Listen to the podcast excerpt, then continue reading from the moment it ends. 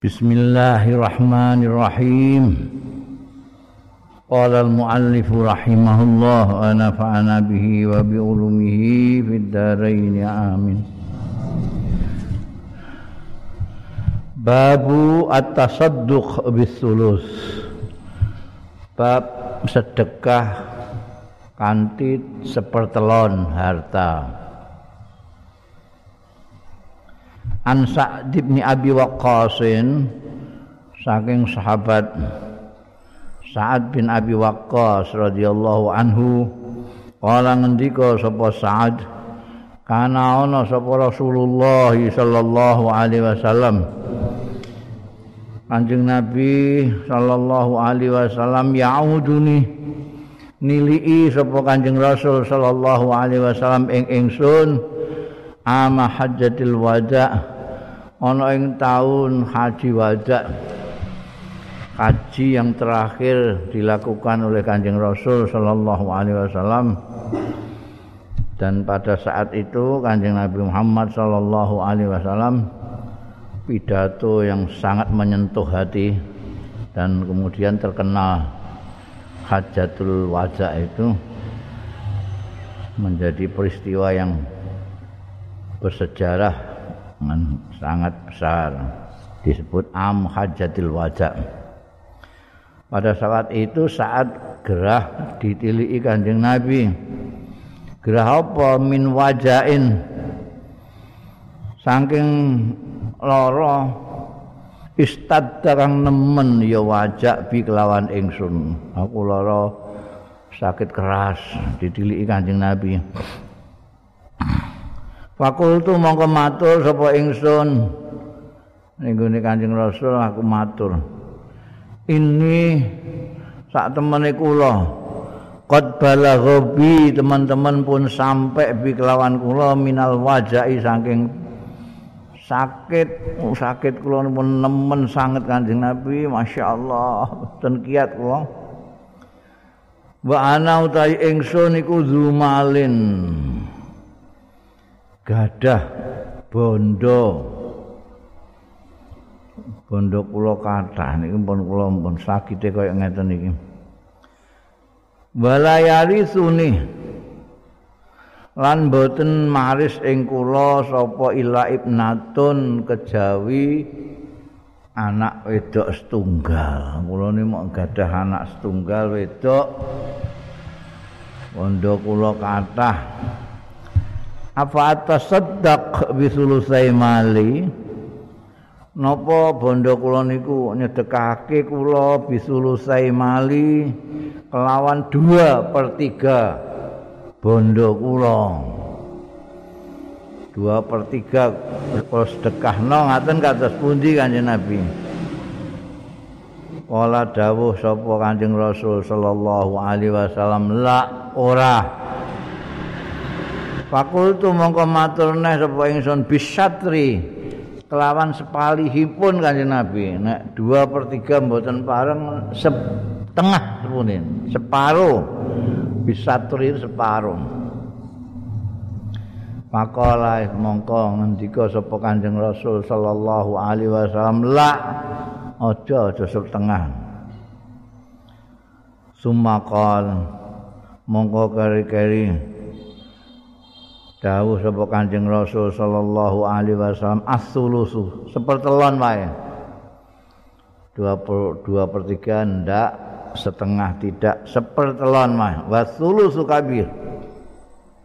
Au kasir au syakun minar rawi. Apa kabir apa kasir pokoknya maknanya sepertiga itu sudah banyak lah maksudnya as-sulusu sepertelu wae sepertelon sepertelon iku wis akeh, wis gedhe. Innaka setuhune sira antazara yen to ninggal sira warasataka ing waris sira mbok tinggal ahniaa ingkang kecukupan kabeh khairun iku luwih bagus min antazarahum timbangane yen to ninggal sira ing warasatak alatan ale melarat yata kafafuna jaluk jaluk ngemis iya. Warasataka annasa ing manusa wa inna kalan setuhune sira. Lan tumfiqa oran nginfakake sira. Nafaqatan ing nafakah tabtaghi sing nuprih sira. Biha kanthi nafaqah wajhallahi ing zate Allah ridane Gusti Allah illa ujirta kejaba diganjar sira biha sebab nafkah hatta ma taj'alu sehingga barang kang dadekake sira fi fi fi dalem tangkeme mulutnya bojo ira ya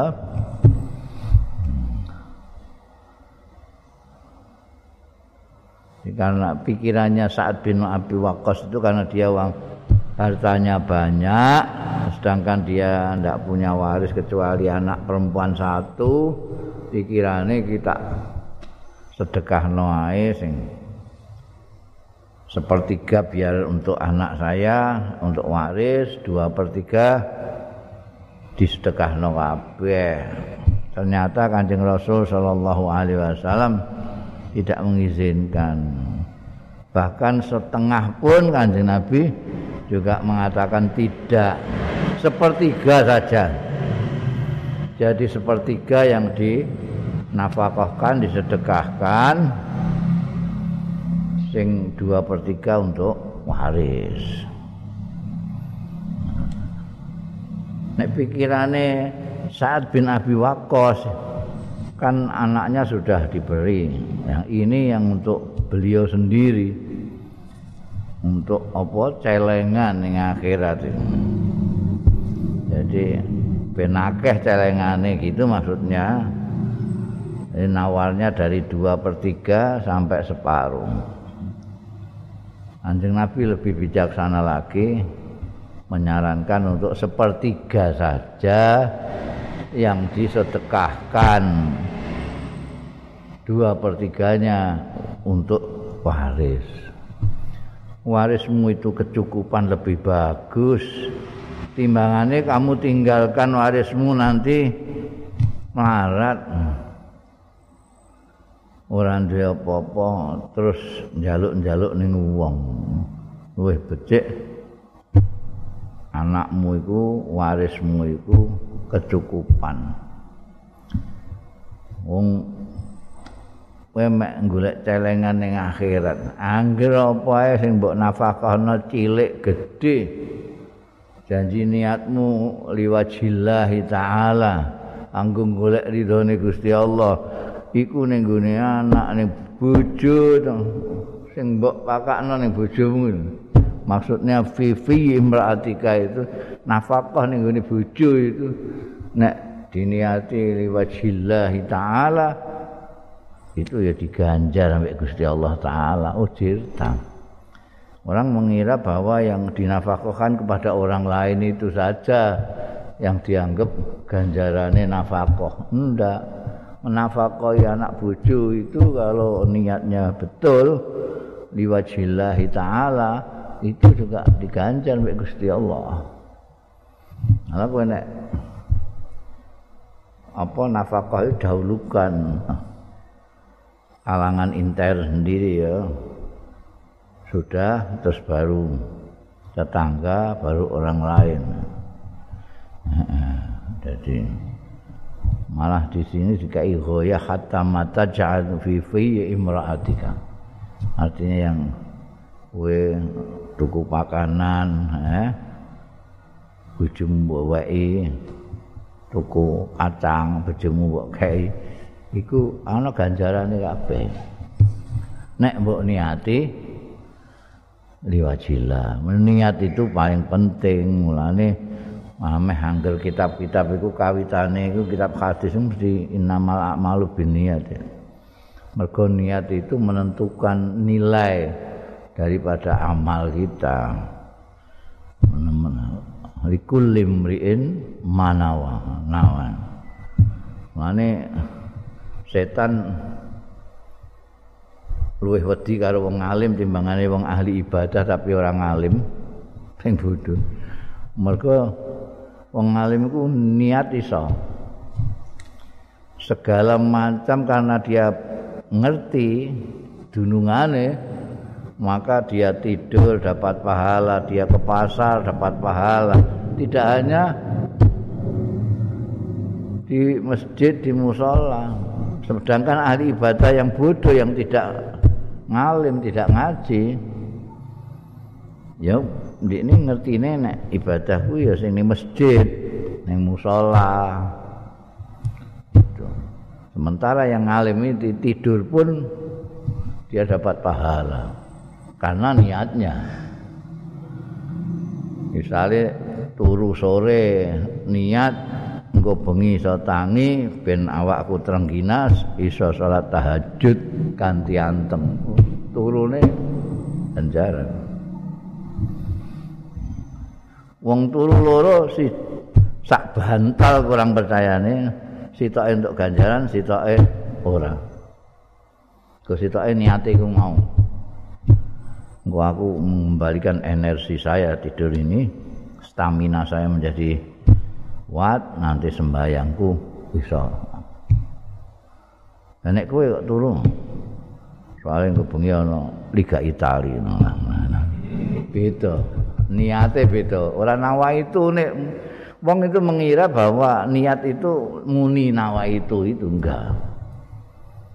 Wong mah turu kan ketara. Mbok omongno ora mbok amungno itu ketara niatmu itu. Ketara oleh siapa? Oleh kamu sendiri. Sampai Gusti Allah. Orang lain apa urusannya wong ibadah itu urusannya kita sendiri sama Allah wong dia mbok, mbok pertimbangkan itu jenenge riya. Itu kamu sendiri yang tahu. Kamu tadi tidur ngapain? Kowe muni niatku ya bentangi engko mah tahajud. Ngono-ngono. Tapi kowe mantah dhewe ning dalam diri kamu nang sakjatine mau mau main delok liga Italia iku niat itu gak bisa mbok bodoni dengan nawa itu gak bisa gak bisa. Iya. Kowe ndelok bioskop terus mbok niati itikaf ora iso. Ya iku, apa tamsile sing ekstrim ngono kuwi. Ya Lah mulai pinter-pinteran, pinter-pinteran. Pinter dan teliti dan ngerti. Mbak bojone itu. Wong kawin bareng itu kan. Ana sing ganjaran terus ana sing ora. Mergo apa? Ana sing kawin, lho kowe kawin. Ya poyoke jomblo terus aku gak enak aku. Ya sak kenake ngono ae. Iku ora niat apa-apa. Ana sing niate kowe kok kawin. Oh, ama. Wong-wong do kawin aku ya kawin kaya umum wong. Modelane gak normal kok ngono. Bidone. Kok kawin? Ya aku nderekno Kanjeng Rasul sallallahu alaihi wasallam. Ini Nabi nikah aku ya nikah. Ngono iku beda. Mulane nek meh nikah barang kudu diniati, aja ngangger ngono ae. Paksa-paksa kalih tiyang sepuh nggih pun manut mawon. Tur kebenaran. Lang diniati. Oh, niat itu penting. Likul limriin manawa. Dan sekali lagi niat itu di dalam hati. Dini kue muni niat nawa itu usolli barang itu untuk nuntun hati supaya teringat. Nek kue gak muni ngono malah gak niat apa-apa belas kue sembahyang itu. nawaitul wudu ngelingno nek kowe lagi wudu iki oh gak raup tok ya Mm Babu mayunha anil halqi indal musibah. Bab barang yunha kang dilarang ya ma anil halqi saking cukur.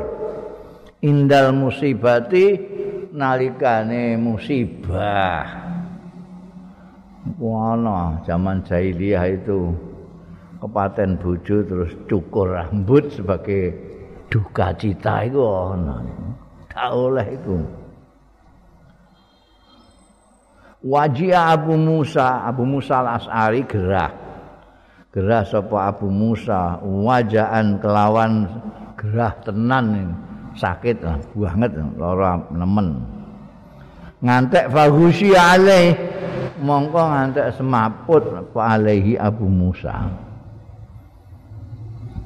Warok suhu tawi sirai mustakane Abu Musa al-As'ari iku fi hajri imra'atin min ahlihi fi hajrin atau fi hijrin atau fi hujrin maknane di pangkuan ing dalem pangkuane wong wedok min ahli saing keluargane. Garwane mbah adine mbah. Falam yastati mongko ora mampu ya Abu Musa ayarudda alaiha. Yen to nolak ya Abu Musa alaiha ing atase imraah saean ing apa-apa. Falam ma'afa kok gak iso apa-apa wong semaput, sakit nemen kok. Bojone nangis nduret-nduret, segala gak iso beliau. Falam ma'afa bareng sadar siuman bahasa Indonesia ini sapa Abu Musa Qala ngendika sapa Abu Musa radhiyallahu anhu? Ana bariun. Utawi ingsun iku bariun lebaran lepas tangan. Tidak ikut-ikut. Mimman saking wong bari aminhu kang lepas tangan minhu saking man sapa Rasulullah sallallahu alaihi wasallam Inna Rasulullah satuhune Kanjeng Rasul sallallahu alaihi wasallam. Iku bari lebaran, tidak mau tahu, tidak mengikut-ikut minas saliqati. Saking salikoh. Salikoh itu sing jerit-jerit. Wong wedok sing jerit-jerit. Bojone mati terus gempa. Oh, ya musibah ya wailah. Wal haliqati lan wong wedok sing nyukur rambuté wasyaqati lan wong wedok sing nyuwek-nyuwek pakaiane. Ini tiga kelakuan ini tiga perbuatan ini adalah tradisinya orang Yahudi apa? Zaman jahiliyah dulu saat kematian bojo. bojo yang dicintai mati itu ana sing cukur gundul.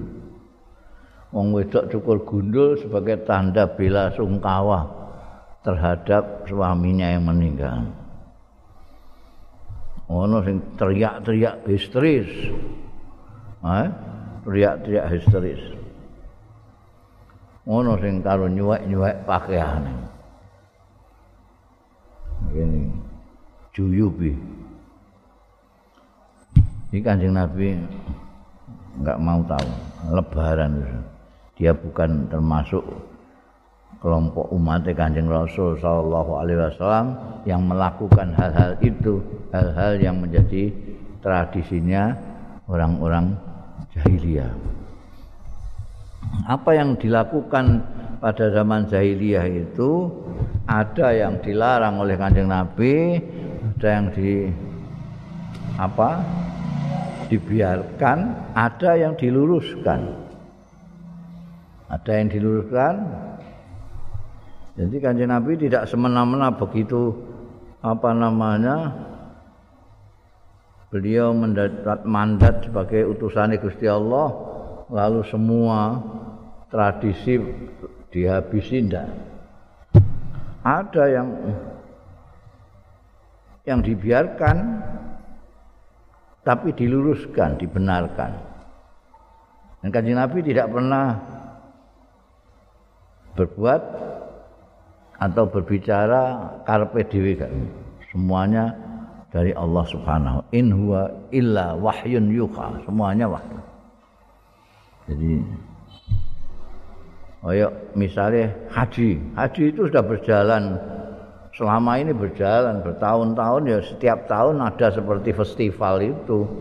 Semua orang dari berbagai negara terutama yang di sekitar Mekah datang ke Mekah. Melakukan ritual tahunan. Ngubengi Ka'bah sa'i. Balang jumlah kabeh ono kabeh tapi ya itu karena zaman Nabi Ibrahim, Nabi Ismail itu sudah begitu jauh dengan zamannya orang-orang Arab pada waktu Kanjeng Nabi Muhammad Shallallahu Alaihi Wasallam lahir. Jadi ini sudah berubah tawaf nganggu keplok-keplok sakarepe dhewe ana sing keplok-keplok ana sing udo ana macam-macam Nah itu terus dibenahi kan. Masih tetap haji itu tapi diluruskan oleh kanjeng Nabi ini ya tidak boleh. Harus nutupi aurat harus suci dan seterusnya. Ya. ada yang ditolak sama sekali ini bukan umatku ini. Ini seperti ini. Salikoh halikoh syakoh niyahah apa itu, enggak diperkenankan. Ngono ae saiki wong Arab-Arab wis ana sing ngono iku wis Sing nyuwek aku roh dhewe sing nyuwek-nyuwek klambine wong wedok iku wis Sing teriak-teriak itu salikoh iku ya sing histeris ngono iku. Nambekan muni-muni cangkeme. Akeh. Ada kanjeng Nabi lepas tangan, wis melok boh. Gusti Allah engko nek ngapak-ngapakno agak melak-melak. Bali. Mulane Abu Musa Al-Asy'ari ngendikane ana bariun miman bari aminhu Rasulullah sallallahu alaihi wasallam. Aku gak melak tanggung jawab apa yang Kanjeng Nabi melepaskan. Ya. Jadi ojo iki karena dia tadi membaca tanda-tandanya. Ini kan gerah nemen ngantek semaput wis sriwing-sriwing krungu anak sing ameh jerit-jerit. Jadi beliau terus ingat Anjing Rasul sallallahu alaihi wasallam mengingatkan keluarganya. Jangan ngantek salikoh halikoh sakoh Babul qiyam lil janazah. Bab ngadeg jumeneng lil janazati krana ana jenazah, jenazah lewat ngadeg. An Amir bin Rabi'ah saking Amir bin Rabi'ah. Anin Nabi saking Kanjeng Nabi sallallahu alaihi wasallam kala ngendika sapa Kanjeng Nabi sallallahu alaihi wasallam Idza ra'aitum tatkala ningali sira al janazah ing janazah. Fakumu mongko jumenenga sira kabeh hatta tukhallifakum sehingga ngliwati ya janazah ing sira kabeh. Janazah lewat, kamu berdiri lewati kamu jenazah ana jenazah ngadeg. Padha karo penghormatan terhadap pimpinan datang. Eh? Bapak lurah masuk ke ruangan hadirin disilahkan berdiri semua. Oh, no. Itu kan Ini juga gitu. Kenapa? Karena jenazah ini manusia. Manusia itu dimuliakan oleh Allah. Penghormatan pada manusia yang sudah pulang ke hadirat Allah. Kita berdiri. Sampai dia lewat. Itu lewat mau duduk lagi ya silakan. Begitu datang melewati kamu kamu berdiri. Ono ono sing riwayat sing ana ono sing alok kok berdiri bareng kanjeng Nabi? Niku tiang Yahudi niku. Ya tidak dudu manusa ngono. Manusa walaqad karamna bani adam yang dimuliakan kan Gusti Allah itu manusa ya Babu hamlil rijali al janazata. Bab mikule wong-wong al janazata wong-wong lanang al janazata ing jenazah. An Abi Sa'idin Al-Khudri saking sahabat Abu Sa'id Al-Khudri radhiyallahu anhu. Anna Rasulullah setuhune Kanjeng Rasul sallallahu alaihi wasallam Qala dawuh sapa Kanjeng Rasul sallallahu alaihi wasallam Idza wudi'atil janazatu nalikane diselehno diletakkan apa al janazatu janazah wahtamala rijal lan mikul. Sapa rijal wong-wong lanang ala anakiha ing atase gulu-gulune maksude pundak-pundake ar-rijal. Fa ing kanat salihatan mongko lamun ana sapa jenazah mau. Ana iku salihatan jenazah sing apik sing saleh qalat ngucap sapa jenazah mau? Qaddimuni. Ayo majakno sira kabeh ingsun cepet. Mulane ana ngiring-ngiring jenazah buantel kaya melayu ngono kae. Iku mergo diuneni karo jenazah. Ayo cepet. Majukan saya. Tapi wa ingkanat ghaira salihatin lamun ana ya jenazah iku ghaira salihatin ora saleh, ora apik jenazah. Kalat ngucap sapa jenazah. Ya wailaha, aduh cilaka jenazah kok kene iki. Aina yadhabuna biha? ning endi do nggawa lunga sapa rijal biya kelawan jenazah iki on nek sing jenazah wong apik iku nguni endang gageh ajakno aku ndang gageh nek elek ning ora apik Wah cilaka iki arep digone ngendi lah iki ya Allah Kok kula mboten pireng. kula nggih nate mikul jenazah. Yasma'u sautaha. Krungu sautaha ing suarane jenazah. Sapa kulo sayin sekabehane perkara. Saben-saben suwiji-wiji illal insanu kejaba kowe coba menungsa.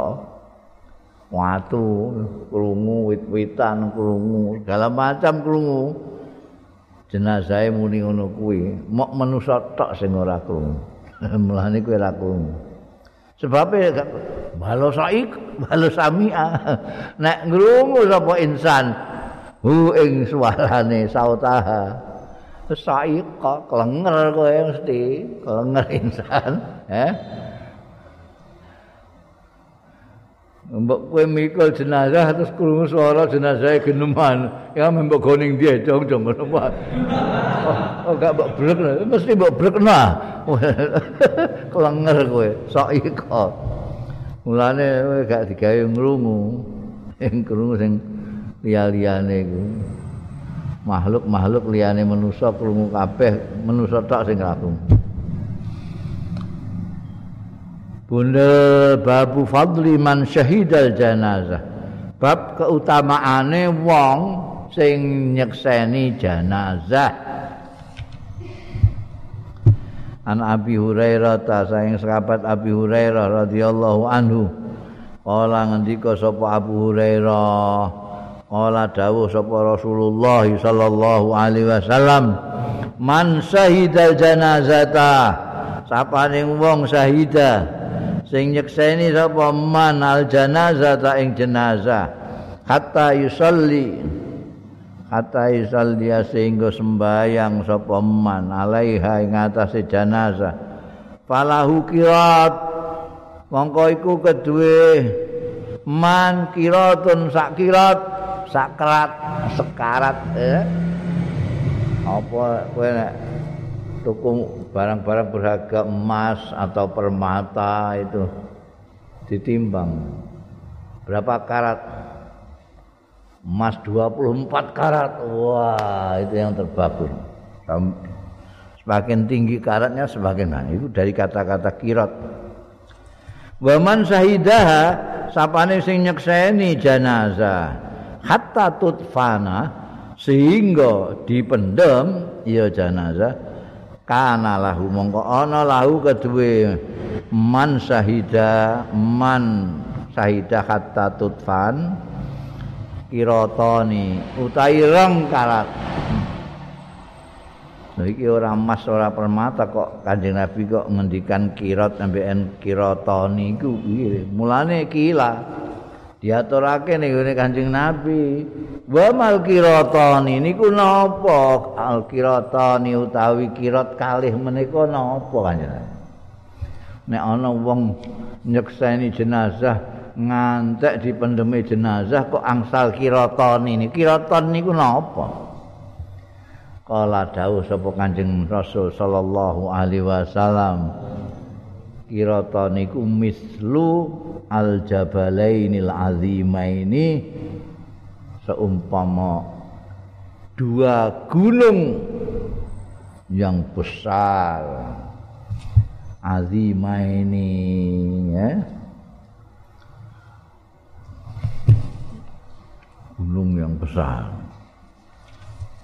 Jadi mbok hitung karat piro iku semono iku sak gunung jane. Emas sak gunung iki rong gunung. Ndudono besarnya pahalanya orang yang menyaksikan jenazah. No, Nabi itu sampai begitu ajarannya itu.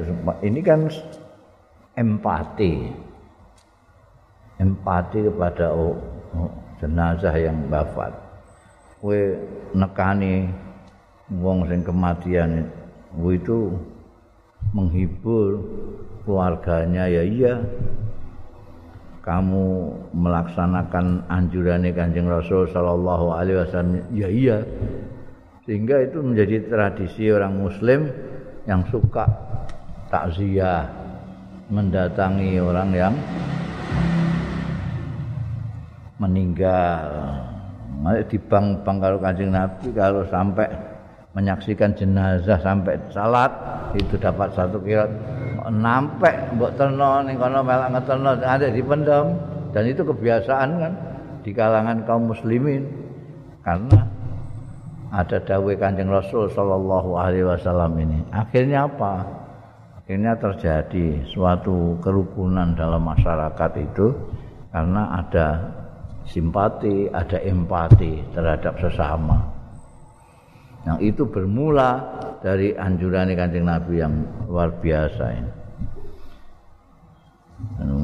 Muslimin asal usule ya asal usule orang takziah barang itu ya ganjaran itu yang diperhatikan. Tapi lama-lama itu menjadi tradisi sudah. menjadi kebiasaan orang merasa empati kepada kawannya yang kena musibah. Jadi orang terima mau nyembayangi tok hadir nyembayangi tapi melok ngeterno ada tekan kuburan. Ngenteni dipendem ngenteni ditalkin barang ya. Jangan ngomong. Coba sing ora gelem talkin iku ya ana sing mok ning takziah tok ning gone omah ya ana ora gelem ngetutno ya. Ya entuk sak kirat.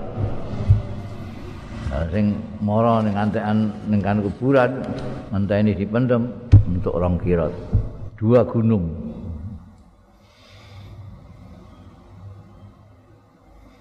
Babu Islami Sobi. Bab Islame bocah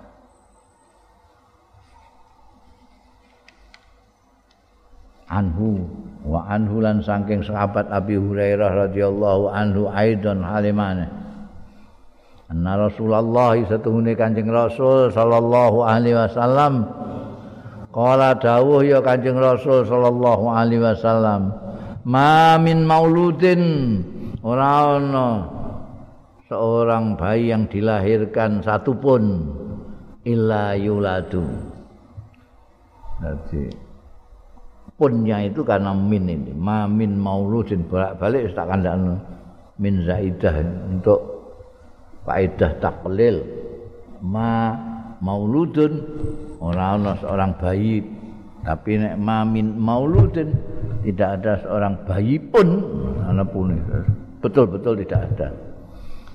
Illa yuladu kejaba dilahirna ya maulud alal fitrati ing atase fitrah. Tidak ada satu pun bayi yang dilahirkan kecuali alal fitrah.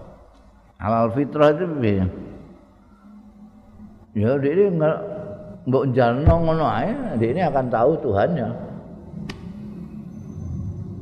Akan ibadah pada Tuhannya. Kan menjadi Islam lah. Islam wingi kae mentauhidkan Allah mengesahkan Allah. Mbok jalno bayi lahir mbok sok ning alas gak ketemu sapa-sapa kayak Tarsan ngono. Ini langsung kenal kalau Gusti Allah. Nah, tapi wong lahire ora ning alas ning gone omah. Pak abawahu mongko tae wong tuwa lorone maulud iku sing yuhawidanihi. Eh? Yahudekno eh? Dadekno yahudi ya abawahu hu ing maulud ayu nasiranihi utawa nasrane akeh maulud. Ayu majisanihi utawa ndadekno majusi ya abawahu hu ing maulud. Ya. Jadi ini orang tua itu penting orang tua itu. Ya, karena orang tua itulah yang ibaratnya bayi itu kan kanvas kosong. Orang tuanya ini yang mewarnai jadi apa jadi apa? Orang tuanya. Mama. Nah, mulane saiki ana apa? Gerakan poligami kan maksude ben anake akeh ngono. Dadi nek bojone papat saben siji dia anak 10 ono papat tak 40. Wah, ngislamna wong 40 sakal tur enak. itu itu pikirane pikirane wong-wong wong kutha-kutha itu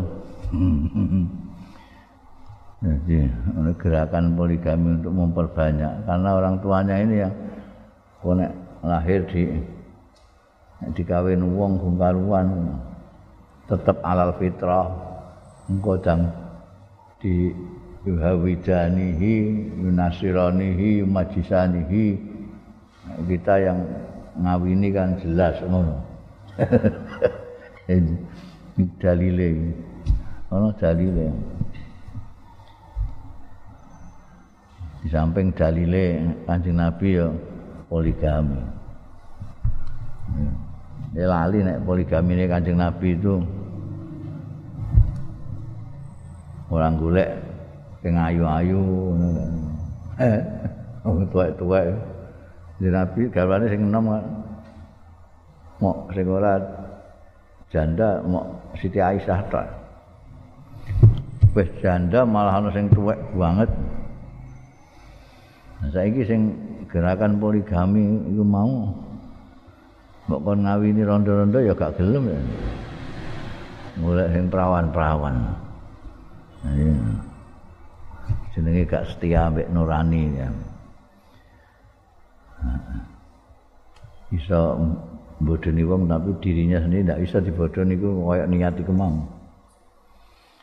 Wong ini kan Nabi mau memberikan peringatan saja tadi.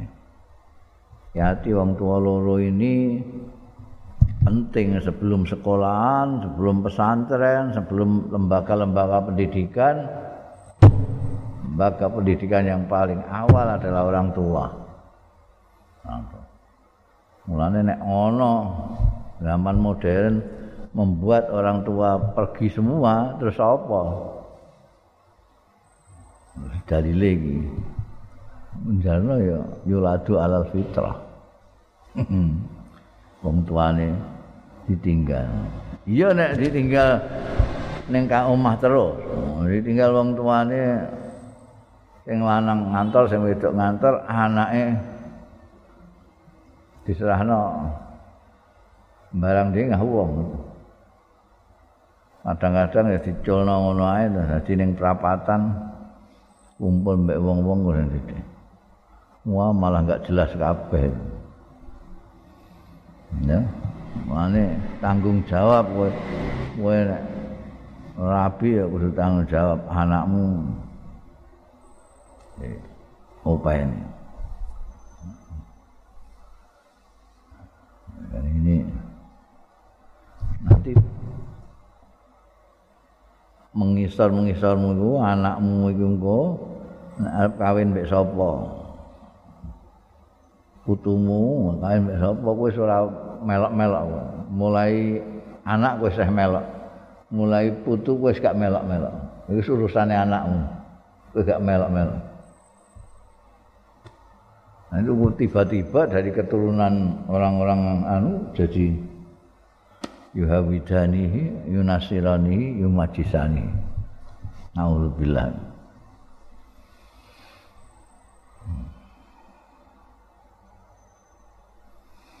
Babu qatilin nafs, bab membunuh diri. An Sabit bin Dhahak. Saking sahabat Sabit bin Dhahak radhiyallahu anhu anin Nabi. Saking Kanjeng Nabi sallallahu alaihi wasallam. Kala dawuh sapa Kanjeng Nabi sallallahu alaihi wasallam? Man halafa. Sapaning wong sing sumpah bimillati ghairil Islam. Kelawan agama liyane Islam. Mau Yahudi wa Nasrani wa Majusi. Kaziban alegoro tapi muta'amidan sengaja. Goro aku tak sumpah cara Yahudi lah tapi sengaja goroh tapi sengaja. Piye? Fahuwa mongko iman iku kamakola. Medeni wong hati-hati kowe kamakola kaya dene ngucap ya man. Jadi goroh. Aku bohong kok tadi itu. Tapi jarak tau dia jarak. Nah itu kowe kena omonganmu dhewe. Kowe lha apa nek jarak ngono barang. Meh bodoni wong kok. Lha apa bodoni wong kok ngono? Kowe nek khalafa bimillati ghairil Islam kadziban muta'ammidan fahuwa kama qala. Dia seperti yang dia katakan. Allah. Eh? Oh, apa jenenge? Misale nganggo model sumpahe wong majusi. Demi api ngono nah, ini ya kalbu jadi kayak wong majusi. Kamakola. Seperti orang majusi sendiri. Wa mangkotala utahe saparing wong sing mateni ya man nafsahu ing awak dhewe ne man bi khadidatin kelawan besi apalah itu. Nek pedang nek jangan biyen pedang cara Jepang barang nganggo pedang harakiri itu nganggo samurai. Ono nganggo pistol ono sing sing akeh wong anu iku gantung diri. Udziba mongko disiksa ya man biha kelawan hadidah. Finari jahannama ing dalam neraka jahannam. Naudzubillah min dzalik orang yang bunuh diri dengan besi nanti akan diazab dengan besi yang dipakai untuk membunuh dirinya. Ya, pedang ya pedang, keris ya keris, pistol ya pistol, tapi ning neraka jahanam. Nyiksa itu seperti ketika dia menggunakannya untuk bunuh diri di dunia tapi dibalasnya di neraka jahanam. Naudzubillah. Babu mayun min sabil ambat bab barang kang dilarang min sabil ambat angking miswi wong-wong sing wis mati eh. Nek wong urip ae gak oleh apa meneh wong mati? Mbok pae suwi ku lha apa? Ana Aisyah ta saking Sayyidatina Aisyah radhiyallahu anha qala ngendika sapa Sayyidatina Aisyah qala dawuh sapa an-nabi Kanjeng Nabi sallallahu alaihi wasallam? La tasubbul amwat. Aja misoi sira kabeh al amwat ing mayit-mayit wong wis mati mbok pisoi. fa innahum mongko setuhune amwat. Itu kot afdal teman-teman wis lewat wis sampai afdal sampai ajalnya sudah afdal sudah sampai ilama qaddamu maring barang kang dhisikake ya amwat. Dia sudah tutup buku. Dia sudah sampai apa yang dilakukan sudah sudah selesai. Mbok pisau itu lah apa? Ini apa iso? Ngobrol mbok pisau terus bisa merubah ini? Enggak bisa, sudah sampai. Dia sudah sampai ke penghujung apa yang dilakukan. Jadi terus mbok pisau piye ini? Ben apa mbok pisau itu ben apa? Orang misui orang mati itu perlunya apa? Nek misui orang urip kan maksudnya ben sing urip itu terus mikir-mikir aku kok dipisui lah apa? Mungkin aku di kesalahan, aku tak apik ya. Mungkin gitu. Aku dipisui mungkin aku duwe kekeliruan-kekeliruan tak bener ke ya. Nek aku salah mbek ini aku tak njaluk ngapura. Itu kalau orang hidup. Nek mati mbak. Apa pamrihnya orang misai yang mati itu apa? kalau tidak hanya pelampiasan nafsu pelampiasan saking gue tinggi mbak terus dipisah wis mati bareng buah jingan tengek eh, wah apa umur diar gue ndi gue anden malaikat mau dan itu banyak orang yang nggak pikir memikir seperti itu. Wis mati bareng bisa dipisah-pisu ya. Ya bisa dilok-lokno ya. Dilokno. Mbok kritik ya biasa wae wong wis mati ya mbok kritik barang kula apa.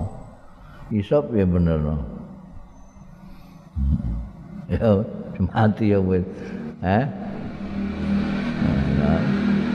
itu lah wong sing kadang-kadang kritik-kritik anu iku kan ben aja nglakoni kaya niku maksude ngono kae tapi ora usah miso ya Karek mbok kandhani aja ngantek kaya almarhumku ya kelakuanmu engko mundak di Zaman uripe ku wah dirasani wong dipisahi kok adoan. Ngono ae. Aja mbok pisahi dhewe, pisahi dhewe.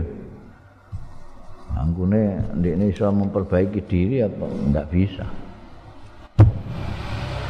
Kitab zakah wallahu a'lam.